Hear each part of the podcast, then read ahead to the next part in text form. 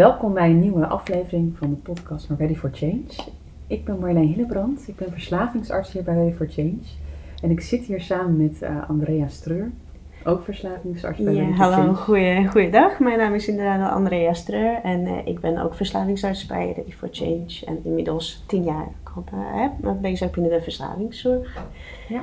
En wat wij vandaag vooral gaan doen is uh, gaan het hebben over detoxen. Wat is detoxen eigenlijk? Uh, hoe werkt dat?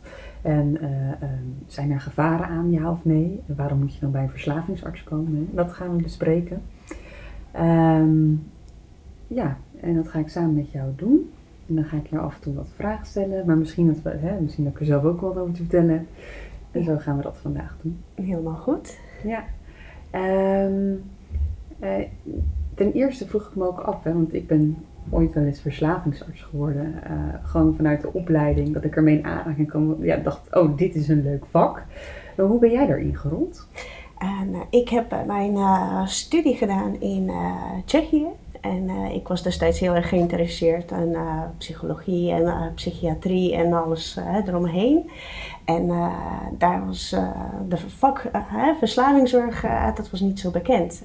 Dus toen had ik een stage in het ziekenhuis. En in het kader van een stage van de psychiatrie zijn we opgeroepen naar een kleine detoxafdeling. En die zat helemaal een beetje in een ziekenhuis, een kleine hoekje verstopt. Hele kleine donkere afdeling met een paar bedden. En uh, daar mochten we dus te, met uh, patiënten wat interview maken en vragen waarom ze er zijn en hoe dat verloopt. En toen heb ik een jonge meneer gesproken die net 18 is geworden. Die is onder invloed van LSD uit het raam gesprongen en die had zijn beide benen gebroken, flink geopereerd en flinke gevolg, gevolgen opgelopen. En toen vroeg ik, hoe is het hier zo voor jou en krijg je hier bezoek hè, op de afdeling? En ik kreeg uh, te horen dat er eigenlijk niemand was uh, die hem nog uh, wou komen bezoeken. En nou, dat hij dat heel lastig vond en dat hij nog heel graag wou verder met zijn studie en zijn leven weer op te gaan bouwen. En ja, dat was voor mij een beetje de punt dat ik dacht van oh, wauw, dit is zo onbekend en het wordt niet zo meegebracht in de opleidingen. En dat, dat, heeft mij zo geroepen van nou als ik deze cliënten zou kunnen helpen, dan, uh, dan is dat iets wat ik echt heel graag zou willen doen na mijn studie. Ja. Dus dat was eigenlijk ja. het punt uh, waarom ik besloot om uh, dan wel dit vak te kiezen. Ja. en toen ik naar Nederland kwam, dan was ik positief verbaasd dat de vak verslavingszorg bestaat, hè? bestaat. Maar ook hier in Nederland, want ik herken wel wat jij zegt, hebben we vrij weinig over de verslavingszorg in onze studie geneeskunde gekregen. En ik merk ook, want ik geef ook wel eens nascholing aan huisarts en jij hebt ook wel huisarts opgeleid, uh, dat, dat je toch ook daar ziet dat er weinig kennis over verslavingszorg is. Ondanks dat er wel steeds meer komt, gelukkig hoor. Want er, komt, komen keuzevakken bij, het, uh, bij, de, bij geneeskunde, maar ook uh, bij de huisartsen zie je dat er een goede standaard zorg is. Ja. Dus daarom gaan we het ook hebben hierover. Want er is hè, onder artsen soms al weinig bekend. Maar ja, voor cliënten en, en, en voor collega's geldt dat soms ook. Dus daar gaan we het over hebben. Um, want wat is dat eigenlijk, detoxen? Kan jij iets over vertellen? Nee, detox, hè, of detoxificatie, dat is eigenlijk het proces van ontgifting van, van een middel. Hè. Dat is wat, wat een lichaam doorheen gaat op het moment ja. uh, dat, dat uh, men stopt met middelengebruik. Hè. En, uh, dus eigenlijk word je in de periode van de detox dan schoon van, van, ja. van het middel. Ja. En dat kan gepaard gaan met, met klachten. Hè. Dat kunnen lichamelijke klachten zijn, dat kunnen psychische klachten zijn. Um, en hoe lang duurt die periode, dat is dat is een beetje afhankelijk van de ernst van de verslaving uh, of van, van mate van hoeveel middelen men gebruikt, maar ook hoe lang de verslaving duurt. En gaat het gepaard met bijvoorbeeld andere klachten, hè? Ja. bijvoorbeeld wat psychiatrische problemen, ja. wat, wat mensen ook kunnen waren. En het verschilt eigenlijk ook wel per middel, hè? merk ik, ja, in een praktijk. Ja. Dus ja, en, en, dus van het alcohol, dan zien we meestal tussen de 7 en de 10 dagen hebben we het over on- echt ontwenningsverschijnselen. En bij cannabis duurt dat soms echt wel tot vier weken. Ja, Dus dat Ja. maakt ook wel uit. Hè. Bij amfetamine, cocaïne zien we vaak wat kortere detoxperiodes. Ehm en daarbij is het ook wel belangrijk om het onderscheid te maken tussen echte detoxen en, en de verslaving zelf. Hè. Want Ja. detox, daar bedoelen we echt een periode mee dat je lichaam ontgift. Eh, maar dat betekent niet dat je daarna niet nog steeds trek kan hebben of drang kan hebben om dat middel te gaan gebruiken. Dan goed, ja, Daarom is het ook Ja. wel heel belangrijk om eh, de eh, detoxbehandeling, hè, de begeleiding bij de detoxificatie, ook wel te combineren met, eh, met eh, ondersteuning. Hè, met met ook psychologische ondersteuning en bij voorkeur dan inhoudelijke behandeling. en om dat ook vol te, erachteraan. vol Ja. te kunnen houden. Ja. Inderdaad. Ja. En ja, hoe werkt dat dan bij ons, bij Ready for Change? Hoe heb jij dat, ja, Eh, nou ja, eh, eigenlijk is het zo dat eh, cliënten die, die bij ons aangemeld worden, hè, die, Mm. die, die komen voor een kennismakingsgesprek, hè, voor een indicatiegesprek waarbij gekeken wordt van wat is het probleem, wat, wat speelt er allemaal, ehm, wat is er nodig om verantwoord te ontgiften. Heel vaak wordt dan ook een verslavingsarts bij betrokken en met de verslavingsarts samen wordt dan gekeken van, nou, kan het eh, zonder medicamenteuze ondersteuning of is er bijvoorbeeld wat medicatie nodig voor, voor eh, de fase van de ontgifting of van, de, van de detox? Ehm, kan het in de thuissituatie? Nou, heel vaak eh, is dat eh, heel goed mogelijk. Eh, maar in sommige situaties moeten we toch wel ervoor kiezen om cliënten te laten opnemen, bij, bijvoorbeeld voor een weekje of afhankelijk van de, van, de, van de mate van de verslaving. en wat voor situatie zou dat kunnen zijn, dat je kiest voor een klinische detox? Ehm, voor een klinische detox zou ik voornamelijk kiezen op het moment eh, dat eh, de verslaving eh, dusdanig ernstig is dat er sprake kan zijn van ook wat complicaties tijdens de detox. Net als eh Dus het is niet ongevaarlijk om te stoppen. Het is niet altijd, het gaat niet altijd zonder gevaar. Dus in sommige situaties, als de verslaving dusdanig ernstig is dat er complicaties kunnen ontstaan tijdens de detoxfase, dan kunnen we daarvoor kiezen om cliënten te laten opnemen. Eh, en dat is bijvoorbeeld als cliënten bijvoorbeeld wat onderliggende lichamelijke eh, ziektes hebben, en net als bijvoorbeeld eh, hartproblemen of epilepsie. Hè, dat we weten dat er tijdens die fase van de detox eh, wat ernstige complicaties kunnen ontstaan. Ehm, of als iemand eh, bijvoorbeeld eh, van de cliënten zegt van nou, ik, eh, ik ben alleen, ik heb geen steunsysteem om me heen en ik vind het eh, te eng. Of ik weet het van vroeger dat ik het zelf niet kan Mhm. eh, in de thuissituatie. Dan kunnen we ook wel natuurlijk afspreken dat we, dat we cliënten Ja. aanmelden. Dus het is ofwel omdat er lichamelijke risico's zijn, ofwel omdat eh, het soms lastig is om in een thuissituatie te stoppen. Dat kan een reden zijn Ja. om voor een klinische detox Ja, ja. te kiezen. Ja. En anders dan kunnen we kijken in de, of het in de thuissituatie stoppen Precies, vei- dus, veilig eh, en goed is. Dan, dan Ja. wordt echt per situatie eh, bekeken. Ja, en daar hebben we ook een richtlijn voor. Ja. zeker. Ehm, we hadden het er net al even over van hoe zit dat dan bij Ready for Change. Hè? Want eh, ik denk dat het wel uniek is bij Ready for Change als je gaat stoppen, is dat je echt zeven dagen volledig gestopt moet zijn met alle middelen. Ja, Dat- toch? Ja. Dat, dat, dat eh, is heel vaak eh, hè, Ja. iets nieuws inderdaad voor cliënten die bij ons in behandeling komen. En eh, wat ik eh, dan in de laatste tijd merk, hè, dat klinkt ook wel een beetje schrikken van, eh, hè, Ja. van het feit dat ze zeven dagen voordat de behandeling start al eh, abstinent moeten zijn van middelen. Het is wel de bedoeling hè, dat we binnen die zeven dagen cliënten kunnen begeleiden eh, in, die tijd van de abstinentie. en en, hoe eh, doen we dat? Hoe, doe je dat begeleiden? Ehm, nou, we plannen sowieso wel eh, meerdere afspraken in, die- in die stopweek. Eh, dat kan bijvoorbeeld bij de verslavingsarts zijn of bij een verpleegkundige. eh, voor bijvoorbeeld wat lichamelijke controles of eventueel voor urinecontroles. Hè, om Ja. te kijken of dat allemaal gewoon lukt. Ja. Ehm, en op het moment dat cliënten toch wel meer moeite hebben met, met stoppen, dan is het eventueel mogelijk om een medicamenteuze ondersteuning te bieden. Ja. Bijvoorbeeld te ondersteunen bij, eh, in de eerste fase wanneer cliënten niet kunnen slapen of wat onrust ervaren. Ja. Dus dat wordt ook wel per situatie bekeken. Ja. Ehm, dus hè, er, wordt gekeken naar de controles. Hè, daar bedoelen we dan mee een bloeddrukmeting of een hartslag. Want die kunnen omhoog gaan bij sommige middelen. En dan moeten we echt goed in de gaten houden. Want dat kan bijvoorbeeld de reden zijn dat we medicatie moeten voorschrijven. Urinecontroles doen we. Hè? Ja, dat betekent dat we in de gaten houden of, of er inderdaad niet gebruikt is. Werkt ook vaak als stok achter de deur. Hè? Dat mensen dan uh, uh, weten, oh, ik word gecontroleerd. Uh, dus dan is het makkelijker om het vol te houden om niet te gebruiken.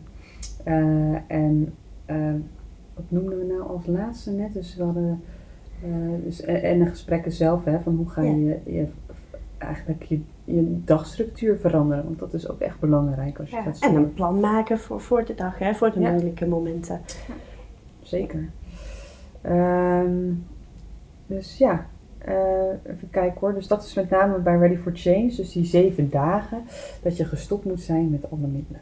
Um, en ja, waarom, waarom vragen we dat eigenlijk van onze cliënten? Hè? Van waarom moeten ze nou helemaal gestopt zijn? Waarom, hè, er zijn ook best wel eens mensen die zeggen: Ik wil graag een beetje gebruiken. Of, uh, wat is jouw visie daarop? Ik ben mijn naar. visie daarop is: uh, kijk, uh, het is een, inderdaad wat je zegt van toch wel een andere vorm van behandeling dan misschien bij andere instellingen. Ja. Waarbij toch wel in een hele korte tijd een heel intensieve behandeling gaat volgen. en daarom is het ook wel belangrijk hè, dat, dat, dat cliënten goed in staat zijn om de behandeling te volgen en alles in het brein op te nemen, alle nieuwe informatie te verwerken. En dat is natuurlijk dus, lastiger als je nog gebruikt. Precies. Hè? En hè, dus op het moment hè, dat, dat, dat, dat het brein nog volledig bezig is met, met, met gebruiken of met de afkiekfase, dan is dat toch een, stukje moeilijker om dat, dat te volgen en vol te houden. En sowieso um, is het ook dat we hanteren ook um, in de groepsbehandeling beleid voor iedereen hetzelfde. Dat betekent dat het ook niet fijn zou zijn voor andere cliënten op het moment dat er iemand aanwezig is die wel nog volop in gebruik zit. Ja. Dus dan hebben we dezelfde ja. regels voor, voor iedereen. Uh, en het is onder andere om uh, de, de, werkgeheugen al, alvast te bereiden om, uh, de, om nieuwe informatie goed binnen te kunnen krijgen en ja. op te slaan. Ja.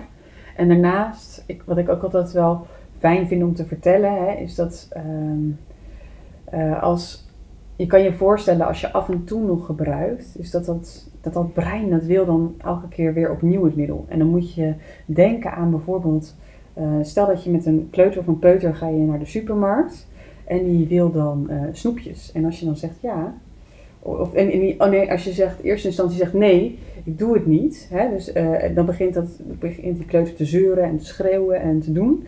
En als je dan vervolgens toch toegeeft, ja, dan kan je er donder op zeggen, de volgende keer dat je met die kleuter in de supermarkt bent, is dat hij weer gaat schreeuwen en doen om snoepjes. En onze hersenen werken niet zo heel veel anders dan die van een kleuter. Want als, hè, als kijk, ik heb, bijvoorbeeld ik heb gerookt. Als ik nu één sigaretje ga rook, uh, roken, dan heb ik de hele week last van trek. Dan gaat die kleuter in mijn brein gaat aan. Hè, dus die gaat dan zeggen van, hé, hey, ik wil er nog één. Hey, ik kreeg vorige keer ook. Hè, dus dat is, dat is een beetje wat er in die hersenen gebeurt. En dat is ook een reden om te zeggen, we niet, weet je, een beetje gebruiken is gewoon een stuk moeilijker dan af en toe gebruiken. Dus dat is, uh, ja, dat, dat, dat is hoe, hoe ik het zie en, uh, um, en ook voor de cliënten uh, dat ervaar. En we zien ook vaak, hè, soms zien we dat mensen terugkomen omdat ze dachten, ja, ik kon het wel, of eentje kan toch wel. Um, en dat is ook een, een gedachte die een beetje bij verslaving hoort, hè, die we vaak terug horen.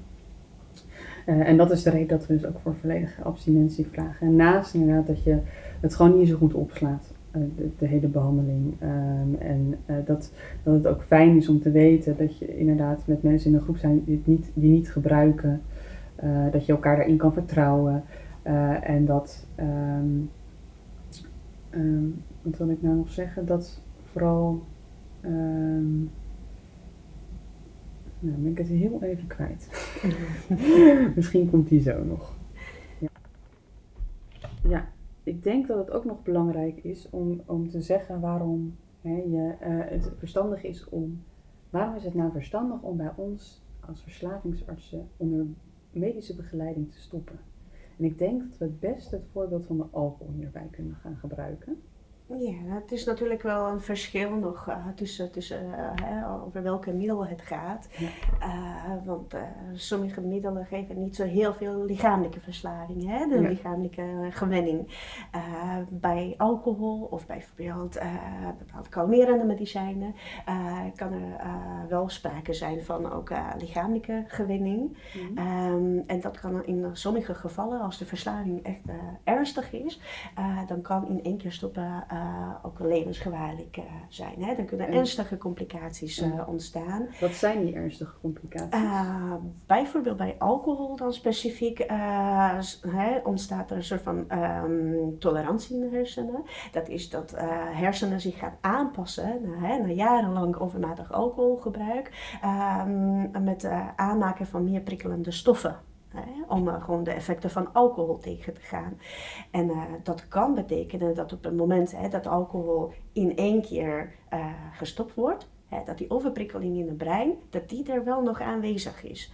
En in dat soort situaties kan uh, de bloeddruk uh, stijgen, de hartslag kan uh, stijgen. Hè, de hele lichaam raakt in een soort van stressmodus. Ja, en dat is en, natuurlijk op zich al gevaarlijk, hè, want een hoge bloeddruk en een hoge hartslag. Dat kan, kan bij mensen met bijvoorbeeld van hartklachten hè, ja. gevaarlijk zijn. maar ja. in ernstige gevallen kan er echt een kortsluiting ontstaan in het brein. wat kan leiden bijvoorbeeld tot een epileptische aanval. Of als de hersenen echt in de war raken door de overprikkeling, dan spreken we over over een delirium. Hè? Een beestje zien, dingen zien die er niet zijn. Ja, dus echt hallucinaties. Dus ja. echt uh, in de vorm van hallucinaties. Ja. En wij, hè, uh, wij, wij maken in het begin ook vaak een inschatting van hoe groot is die kans op die ernstige ontwenningsverschijnselen. Ja. Zodat we kunnen kiezen van moet dat, kan dat thuis of is dit te gevaarlijk en moet in het ziekenhuis. Ja, bijvoorbeeld uh, cliënten die bij ons in zorg komen en die zo'n delirium of uh, die zo'n epileptische aanval al hebben doorgemaakt in het verleden, dan kiezen we sowieso voor een uh, opname in een kliniek ja. om te voorkomen dat, dat, dat dit weer, weer ja. gebeurt. Ja. En want het is ook goed om te begrijpen dat een, een, een, de, een delier, dus echt hallucinaties krijgen, dat is een toestand die hartstikke gevaarlijk is, hè, maar bij sommige mensen zelfs kunnen overlijden. Dus dat is niet iets wat, wat uh, wat, uh, wat je thuis moet gaan doen. Hetzelfde geldt voor een epileptische aanval. Je kan echt heel lelijk vallen en ook dat kan enorme risico's met zich meebrengen. Ja, klopt. Ja. Um, en dus wat we hè, bij het intakegesprek doen, dat doen we eigenlijk per middel, maar bij alcohol specifiek kijken we dus hier naar. En kijken van wat voor ontwenningsverschijnselen kunnen we verwachten. Zijn die gevaarlijk? Uh, um, want ze hebben ook wel eens dat mensen juist eh, psychische klachten hebben en daarom een beetje kunnen ontsporen hè, bij zo'n detox, dat ze dat lastig vinden.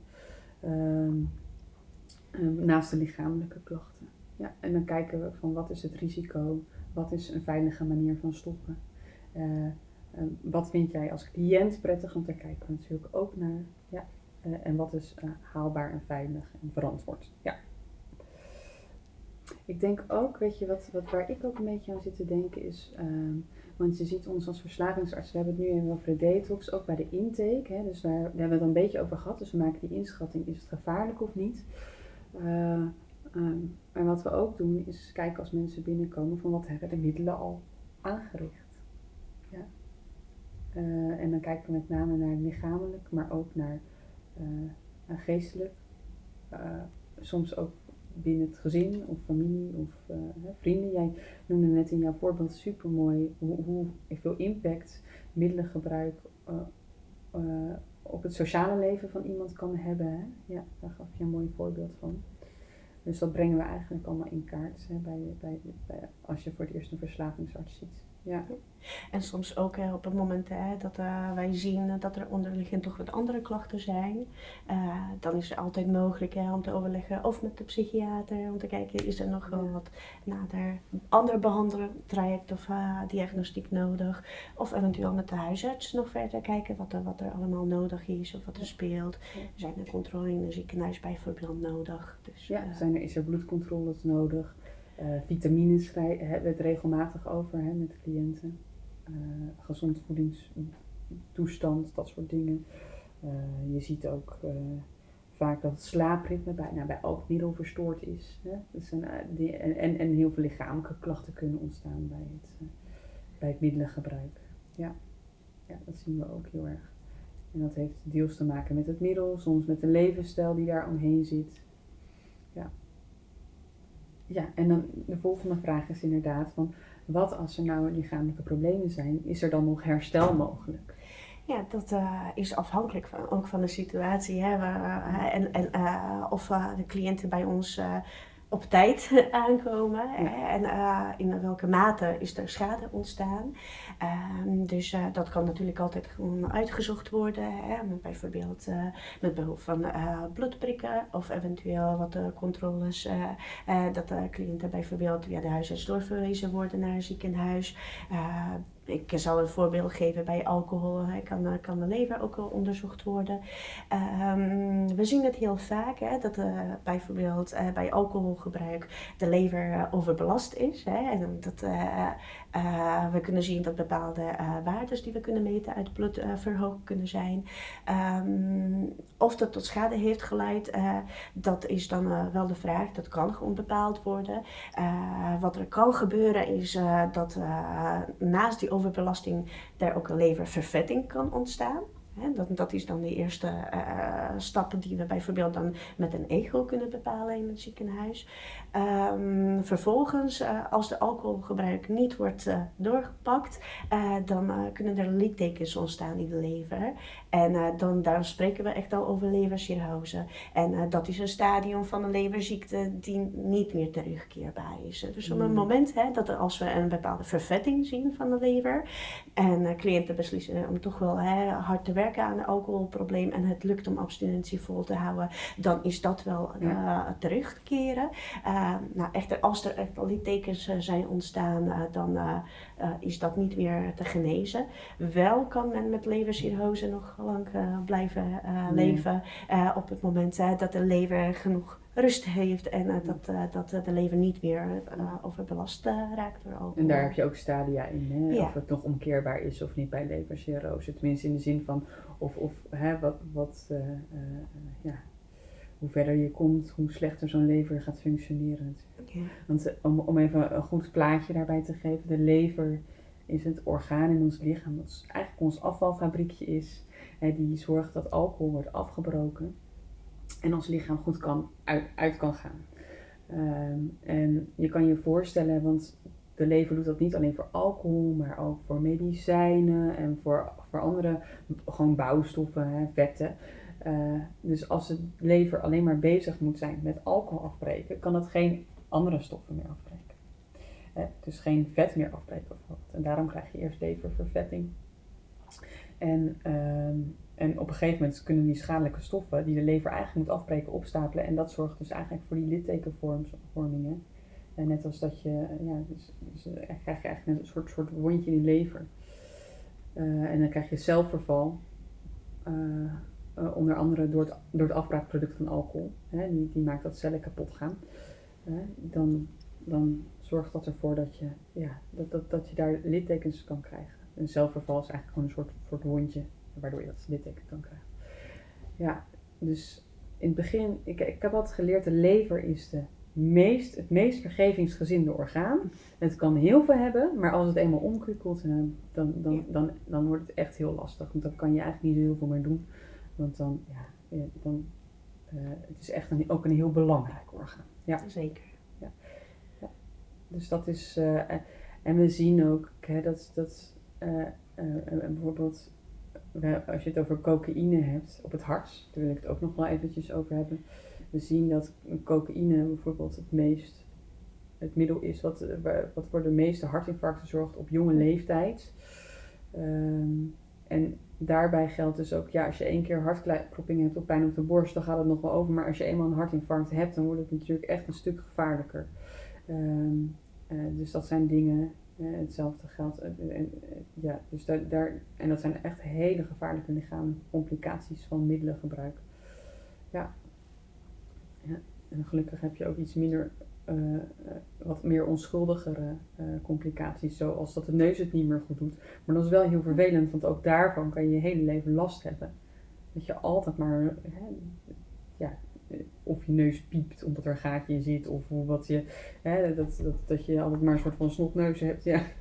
ja, dus dat is, eh, of bloedneuzen. Ja, dus dat is echt heel vervelend.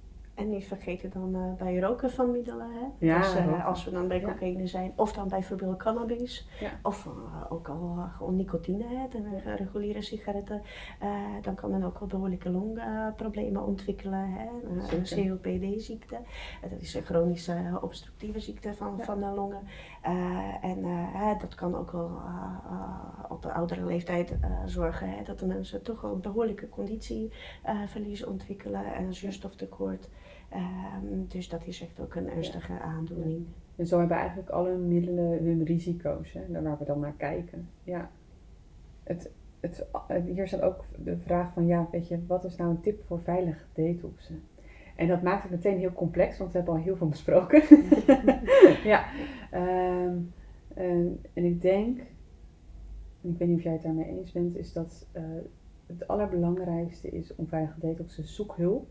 En dan kunnen wij op maat met jou kijken wat voor jou een veilige manier van detox is. Ja, en als je, als je twijfelt, dan ook hè, als je niet in behandeling bent, gewoon overleggen of met je huisarts of uh, eh, iemand die daar de, de, ja, goed, goed ja. verstand van heeft. Ja. Eh, want uh, als er complicaties ontstaan, uh, dan ja. is het te laat. Ja, ja. en het, het verschilt ook nog wel. Soms gaat het een paar keer goed.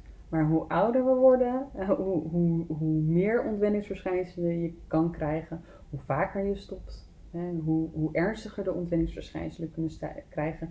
Dus ook dat is soms geen garantie dat het dan nu wel goed zou gaan. Dus ook daarvoor zou ik graag cliënten willen oproepen, neem, neem contact op als je wil gaan stoppen. Ja.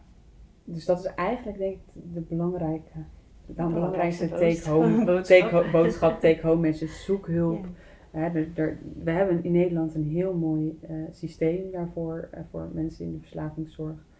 Um, en de huisartsen hebben inderdaad ook een goede richtlijn, dus die kunnen daar ook uh, in meekijken. Um, ja, dan zou ik eigenlijk willen afronden. Dat is interessant. Ik denk dat we, ja, we hebben het over heel veel gehad. Ik zal nog even kort opnoemen. namelijk, we hebben het gehad over wat, doen we hier bij Ready for Change? De zeven dagen abstinentie, uh, waarom we dat doen. Hè, dus, uh, omdat we merken dat dat beter werkt bij onze therapieën, eigenlijk in het kort gezegd. Um, dan, uh, wat zijn de risico's van stoppen? wat doen wij als verslavingsarts daarin? Maar we kijken ook naar de lichamelijke klachten door het middelengebruik. En, en dan kijken we ook vooral wat is veilig met het stoppen. En, uh, uh, en wat we hier dan kunnen doen is een, een op, op maat gemaakt plannetje voor jou. En dan kijken we dus naar de risico's op lichamelijk gebied. hoe zit jij psychisch als mens in elkaar? Zitten daar risico's? En de sociale aspecten die spelen daar ook bij een rol. Ja. Hartelijk bedankt voor ja. vandaag. Ja, jij ook.